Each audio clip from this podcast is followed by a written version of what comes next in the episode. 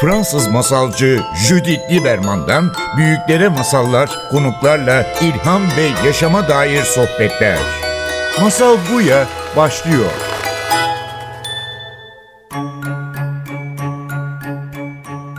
Masal Buya'ya hoş geldiniz. Bugün stüdyoda Eda Bayraktar'la birlikteyiz ve Eda bir hikaye anlatıcı ve aynı zamanda bir eğitim tasarımcı ve bugün bize yeni yani cildi tam baskı bitmiş verilmiş yeni tezinden bahsetmek için e, geldi ve bu tezin konusu kahraman yolculuğu kahraman yolculuğu ve eğitim, kahraman yolculuğu çocuklara anlatmak, anlatırmak, o kahraman yolculuğu modeli kullanarak çocuklara hikaye anlatırmak üzere.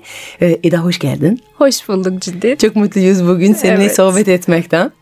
Ben de öyle. Ve direkt konumuza atlamadan önce yani senin projeden bahsedeceğiz, senin tezinden bahsedeceğiz ve çocukların üzerinde nasıl bir etki ettiğinden bahsedeceğiz. Ama daha önce senden madem masalları seven, madem hikayeleri öyle seven bir insansın, çocukken sana masal anlatıldı mı?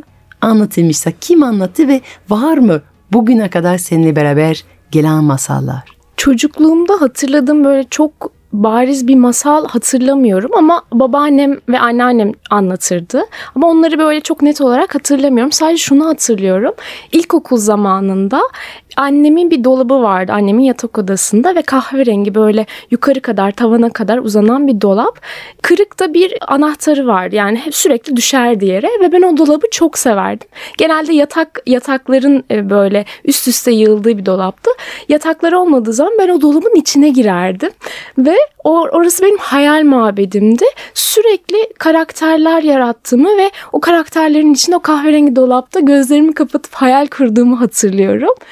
Ondan sonra zaten e, hikayeler yazmaya başladım. İşte onları toparlamaya başladım. Şiirler, hikayeler derken benim anlatıcılıkla alakalı e, olan serüvenim biraz hikaye yazarak, uydurarak, kafamda canlandırarak başladı. O zaman sen J.S. Lewis'in yazarı e, gibisin yani. J.S. Lewis'in meşhur bir çocuk kitabı var. Çok sevdiğim bir çocuk kitabı dizisi. Aslan ve Dolap. Evet, ve orada da e, gizli bir dolap var. Yani çocuk içine giriyor ve kürkleri geçiyor, paltoları geçiyor ve öteki tarafına başka bir hayal dünya gidiyor. Sen o dolabı tanıyorsun o zaman. Evet. O, o kitapları biliyor musun? Ee, çok Aslan ve sonra, Dolap. Evet Aslan ve Dolap onlar so- çok sonra karşılaştım. Hatta sonra aa annemin dolabını da sonra hatırladım zaten. Benim annemin kahverengi dolabı hala da evdedir ama artık içine giremiyorum. Ha, o zaman bu geçiş var. Hala yani gerçeklik ve hayal arasında bir geçiş var ve belki bu geçiş bir dolaptır. Ama büyüyünce içine giremiyoruz belki de. evet. Ama artık başka çocukların bu dolabın içinde girmesini sağlıyorsun. Çünkü sen büyüdün, hikaye ile ilgilenmeye devam ettin. Önce tiyatro yaptın. Sonra tiyatroda ilk defa bu kahraman yolculuk konseptiyle tanıştın. Evet. Sonra hikaye ile daha iyi ilgilendin ve hikaye dünyaya dalarken tekrar Joseph Campbell'in kahraman yolculuğu karşına çıktı ve bu defa dedin ki ben bunu eğitim tasarımıyla beraber koyacağım ve bununla Bahçeşehir'de, Bahçeşehir Üniversitesi'nde senin e, tezin yeni bitti. Onunla ilgili bir tez geliştirin. O yüzden bu konuya yine dalmadan önce bu kahraman yolculuğu Joseph Campbell'den bahsediyoruz. Nedir? Belki e, bilmeyenler vardır. Çok basit yani şimdi diyelim ben de senin sen 11-13 yaş arasında çocuklara çalıştın mı? Evet. 11 yaşında bir çocuğum. Kahraman yolculuğu bana anlatabilir misin? Tabii ki. Çok keyifle severek anlattığım bir konu. Her e, aslında filmde, hikayede gördüğümüz bir tema bu. Joseph Campbell'ın bir yolculuk teması. Her kahramanın bir sıradan dünyası var. O sıradan dünyasını bir maceraya çağrıyla terk ediyor. Önce çağrıyı reddediyor çünkü korkuları var. Sonra bir rehber ona eşlik ediyor. Rehber eşliğinde bir ilk eşiği geçiyor ve sıradan dünyasını terk edip olağanüstü dünya yani daha fantastik, daha büyülü bir dünyaya geçiyor. O dünya artık yeni bir dünya. E, yeni dünyanın kuralları var, dostları ayrı, düşmanları ayrı. Onları öğrenmek zorunda. E, biraz da korkuları var tabii kahramanımızın. Mağaranın derinliklerine yaklaşacak ve o korkularını yenecek. En büyük düşmanıyla, en büyük korkusuyla yüzleşecek. Belki dibe vuracak ama dibe vurduktan sonra bir ödülüne mutlaka kavuşacak ve tekrar eve dönüş yoluna geldiğinde artık kendisi güçlü, daha kendine güvenen ve müthiş keyifli böyle kafasında güzel fikirleri olan bir yolculuktan çıkmış. Kendi hayatına tekrar geri dönmüş olacak ve bu güçle artık hayatını devam ettirmiş olacak aslında özünde bir kahramanın değişim dönüşüm yolculuğunu anlatır bize kahraman Ve yolculuğu. bu bir hikaye anlatma kalıbı. Yani Evet. biraz bu kurabiyeler kesmek gibi Evet. bazı insana eleştiriyor. Diyor ki ya kahraman yolculuğu yüzünden bütün hikayeler birbirine benzemeye başlıyor. Ama kimisi şey diyebilir. Ama zaten binlerce senedir biz bu modeli kullanıyoruz. Çünkü Joseph Campbell bu model yaratmadı. Bu model var olan mitolojik, efsane, masallarda bütün dünyadan geleneksel olarak anlatılan hikayelerde meğer ortak bir model vardı, ortak bir iskelet vardı, ortak bir yolculuk vardır ve belki bunu diyebiliriz. Bu bizim ruhumuzun derin yolculuğu, dönüşüm Evet, yolculuğu. Belki bu evet. dünyaya geçirmeye, yaşamaya geldiğimiz olan şeylerden biri dönüşüm, yola çıkmak, konfor alandan çıkmak, dibe vurmak, dirilmek, öğrenmek ve öğrendiklerimizin sayesinde dünya değiştirmek. Harika. Ve sen bunu ikinci defa karşılaştığın zaman bana söyledin ya bu benim için çok önemli bir model oldu. Benim hayatıma farklı bir şekilde bakmaya e, sebep oldu. Nasıl yani bu kahraman yolcunun felsefesi seni nasıl dokundu? Bu model sana kendi hayatında nerede fener tuttu? Ne tür sorular sordu? Bu modelle tekrar karşılaşma yani tiyatro okurken tiyatro ve yazarlık eğitimi aldığım sırada bir hikaye kurgulama modeli olarak karşıma çıkmıştı. Felsefesine derinine çok fazla inememiştim o dönem. Sonra tekrar hikaye anlatıcılığıyla tanışıp onunla ilgili çalışmalar yapmaya başladıktan sonra yani üniversiteden mezun olduktan sonra bu tekrar önüme geldiğinde artık farklı bir gözle bakma için bir çağrı yaptı bana bir fener tuttu aslında ve şunu fark ettim. Aslında Joseph Campbell ve Vogler, Christopher Vogler da onun modelini alıp bir kitap, yazarın yolculuğu adında bir kitap yayınlar. Vogler hani hep bu modeli aslında bir yaşam kılavuzu, içsel bir yaşam kılavuzu olarak söyler, rehber olarak söyler. Ben bu modelle karşılaştım. Dedim ki bu model bana ne söylüyor? Tekrar karşıma gelmesinin bir sebebi var mı? Ben daha önce bakmadım mı içine deyip biraz derinine indim ve okumalar yapmaya başladım. Sonra kendi sorgulamalar şöyle kafada şöyle sorular gelmeye başladı. Eda peki sen hangi konfor alanını terk ettin bu zamana kadar? Hangi maceraya çağrıları aldın? Hangilerini kabul ettin? Hangilerini reddettin? E çünkü bu önemli bir şey. Kahraman yolculuğu bize bir şey gösteriyor. Aslında hayat sürekli bize göz kırpıp haydi gel oyna diyor. Hayat diyor ki "Hmm, bak burada bir ilan var. Yeni oyuncular arıyorlar. İster misin? Ya da burada değişik bir mekan açıldı. Ziyaret etmek ister misin? Ya da bir arkadaş arıyor diyor ki bu akşam ne yapıyorsun? Acaba buluşsak mı? Yani orada sürekli davetler var ve davetlerin oynama davetleri macera davetlerin çoğunu biz hayatımızın kahraman olarak red ediyoruz. Sürekli aslında hayır ben evde kalacağım. Hayır çünkü konfor alanımızdan çıkmayı sevmiyoruz. o, evet. o yüzden yani çok önemli bir şey bu soru. Evet. Yani hayat nerede beni oynamaya, nerede beni maceraya çağırdı ve ben bu bütün çağrılardan, bütün davetlerden kaçını kabul ettim, kaçını reddettim. Reddettim. Kesinlikle. Ben de tam bu noktada e, ilk e, na- nasıl, nerede karşılaştım, nasıl bu, sorgulamalara girdiğimde e, ilk yurt dışı projemle alakalı dön, geriye dönüp baktığımda bur- burada kesişen bir yol olduğunu fark ettim.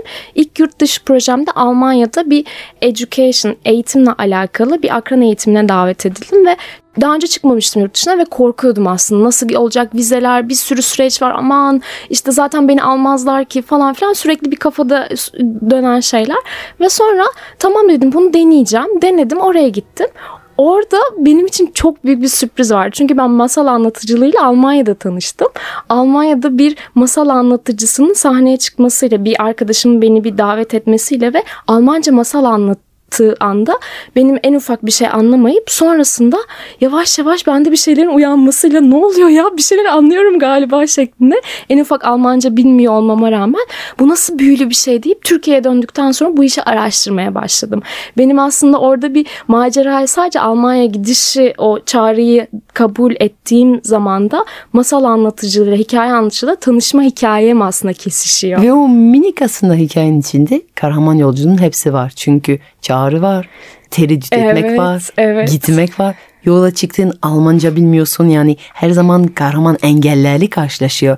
O yüzden anlamamak da bir engel. İşte biriyle e, karşılaşmak ve orada ya anlayamıyorum şey ama dönmek Aynen öyle. iksir alıp yani evet bir yeni bir fikir almış Evet, e, dönüyorsun ve birden hayatına bir yön değişikliği veriyorsun. Yani eskiden belki sadece eğitim ama birden bu eğitimin içinde kahraman yolculuğu hikaye anlatıcılığı olacak iki tane yol seçiyorsun. Kesinlikle. Ve bir dönüşüm var. Aslında bu çok önemli çünkü unutuyoruz ki yani birçok insana bak, kendi hayatlarına bakıp diyor ki ya benim bir maceram mı var? Aman hayatım rutinden ibaret. Eskiye aynı hamam, aynı tas, her gün aynı gidiyor. Ama hayatına en sıradan günde bile yani seninki bile büyük bir macera yurt dışına. Ama yurt dışına gitmeden aslında dükkana giderken bile o kahraman yolculuğun adımları geçirebiliriz. Eğer içimizde korku hissediyorsak, işte e, komik, hayatın komik ve tatlı davetleri seziyorsak ve içimizde yani bir de çok ilginç yani gerçekten hepimiz zannediyoruz ki macera bekliyoruz. Ama aslında içimizden bir parça macera bekliyor ve içimizden eşit bir parça maceradan sürekli kaçıyor. Çok yani doğru. bu burs söyledin ya gitsem ve gitmesem Evet. bir tane burs ofisinde çalışan bir arkadaşım vardı ODTÜ'de ve bana şey demişti bizim sorunumuz Türkiye'de burs vermek. Çünkü burslar var ve çocukları seçiyoruz ve sonra seçtiğimiz çocukların çoğu gitmeyi zamanı gelince red ediyorlar. Aslında başvuruyorlar, istiyorlar. Umarım seçilirim, seçiliyorlar. Ama gitme zamanı gelince o öteki konuşmadığımız anti kahraman tarafımız aslında. Evet. O evde kalayım ben, konfor alanından çıkmayayım tarafı baskın çıkıyor. Evet. Ve bir sürü burslar arasında kullanılmıyor.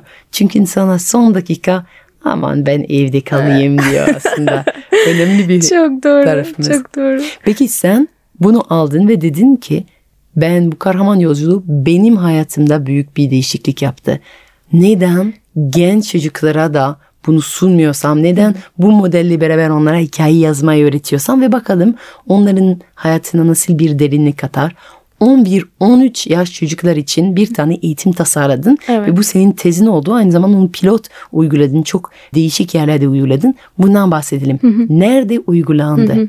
İki merkezde. İki farklı yerle çalıştık aslında. Bir pilot çalışma yaptık, bir de ana uygulama yaptık. Pilot çalışmayı bir vakıfta, e, çocuklarla ilgili çalışan bir vakıfta, ana çalışmayı da belediyede e, bir gençlik merkezine bağlı bir yerde yaptık. Aslında orada amaç biraz daha sosyoekonomik yönden eğitime ve gelişime desteği olmayan öğrencilere ulaşmaktı. Çünkü onların daha çok ihtiyaçları var bu gibi konulara. Dolayısıyla biz o öğrencilerle çalıştık ve aslında başlangıçta derdim şuydu. Gerçekten dediğin gibi neden ben bunu ben bu modeli öğrendim ve hayatıma farklı perspektifler, farklı bakış açıları sundu. Neden bu genç yaşta bu e, yaşlarında çocuklar bunu öğrenmesinler ve hayatlarına ışık tutmasınlar? Birinci tarafı buydu. İkinci tarafı da kendi hikayelerini niye kurgulamasınlar bu yolculuk modeliyle? Ve o yüzden onlara çalıştın, onlara bu model tanıttın, Evet. onlara hikaye anlattırdın. Onların tepkileri ne oldu? Yani proje bitti, değerlendirdin. Nasıl etkilendi bu zor şartlarda yaşayan çocuklar ve Evet. biraz böyle zararlı eğimli olan çocuklarla çalışmışsın? Nasıl bir etki etti? Tepkileri ne oldu? Şöyle çok farklı aslında farklı farklı temalarda bulundular. Yaratıcılık ve hayal güçlerine dair çok genişlediğiyle ilgili sözler söylediler. Aslında biraz daha kahraman yolculuğu üzerinden ben onlara şunları sordum görüşmede. Senin hiç hayatında maceraya çağrı aldın mı? Hiç ilk eşiği geçtin mi? Hiç zorlandığın yerler oldu mu? Hep çocuklar o e, kendi hayatlarıyla okul hayatına özdeşleştiler. Mesela bir tanesi şey dedi. Ya evet bazen ben sabah okula gitmek istemiyorum. Bu benim engelim galiba. ya da işte sınavlar var. Evet çok zorlanıyorum bazen. Hocalar da bizi çok zorluyor ama galiba her kahraman böyle şeylerle karşılaşıyor. Ama onların da karşısına sürekli bunlar çıkıyor ve pes etmiyorlar. Bunu gördüm dedi hocam. Evet çünkü çok önemli kahraman yolculuğu gösteriyor. Kahraman kişi bazen red eder macera, bazen kahraman bile konfor alanından çıkmak istemez veya kahramanın önünde sürekli engeller çekiyor ve kahraman pes etmeyip sürekli onları aşıyor. Evet. Aslında sen çocuklara diyorsun ki normaldir Evet. karşında bir sorun çıkması, bir engel çıkması ama sen aşabiliyorsun. Evet. Çok önemli bir mesaj. Ço- Çoğu zaman çocukları zorlukları duyduğumuz zaman diyoruz ki aman yok öyle bir şey.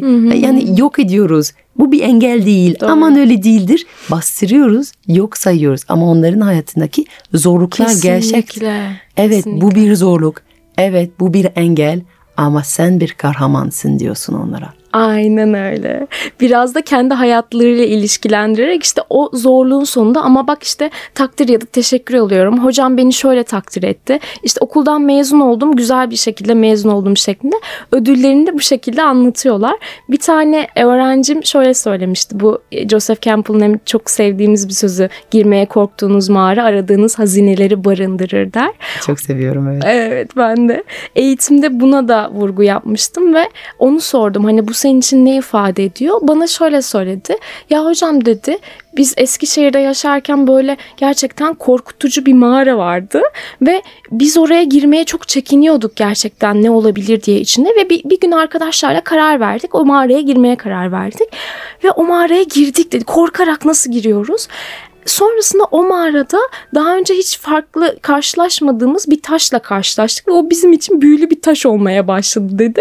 Onu gerçek hayatıyla bu şekilde ilişkilendirdi. Tabii daha sembolik ve e, soyut düşünceleri biraz daha arka planda kalarak ama korkmamak işte o mağaraya iyi ki girmişiz dedi sonra. Çünkü o taşı çok hayatımızın odağına koyduk ve o taş üzerinden hikayeler yaratmaya başladık. Ve aslında yani bence yaşadıkları burada bir tane dönüşüm yaratan bir yolculuk.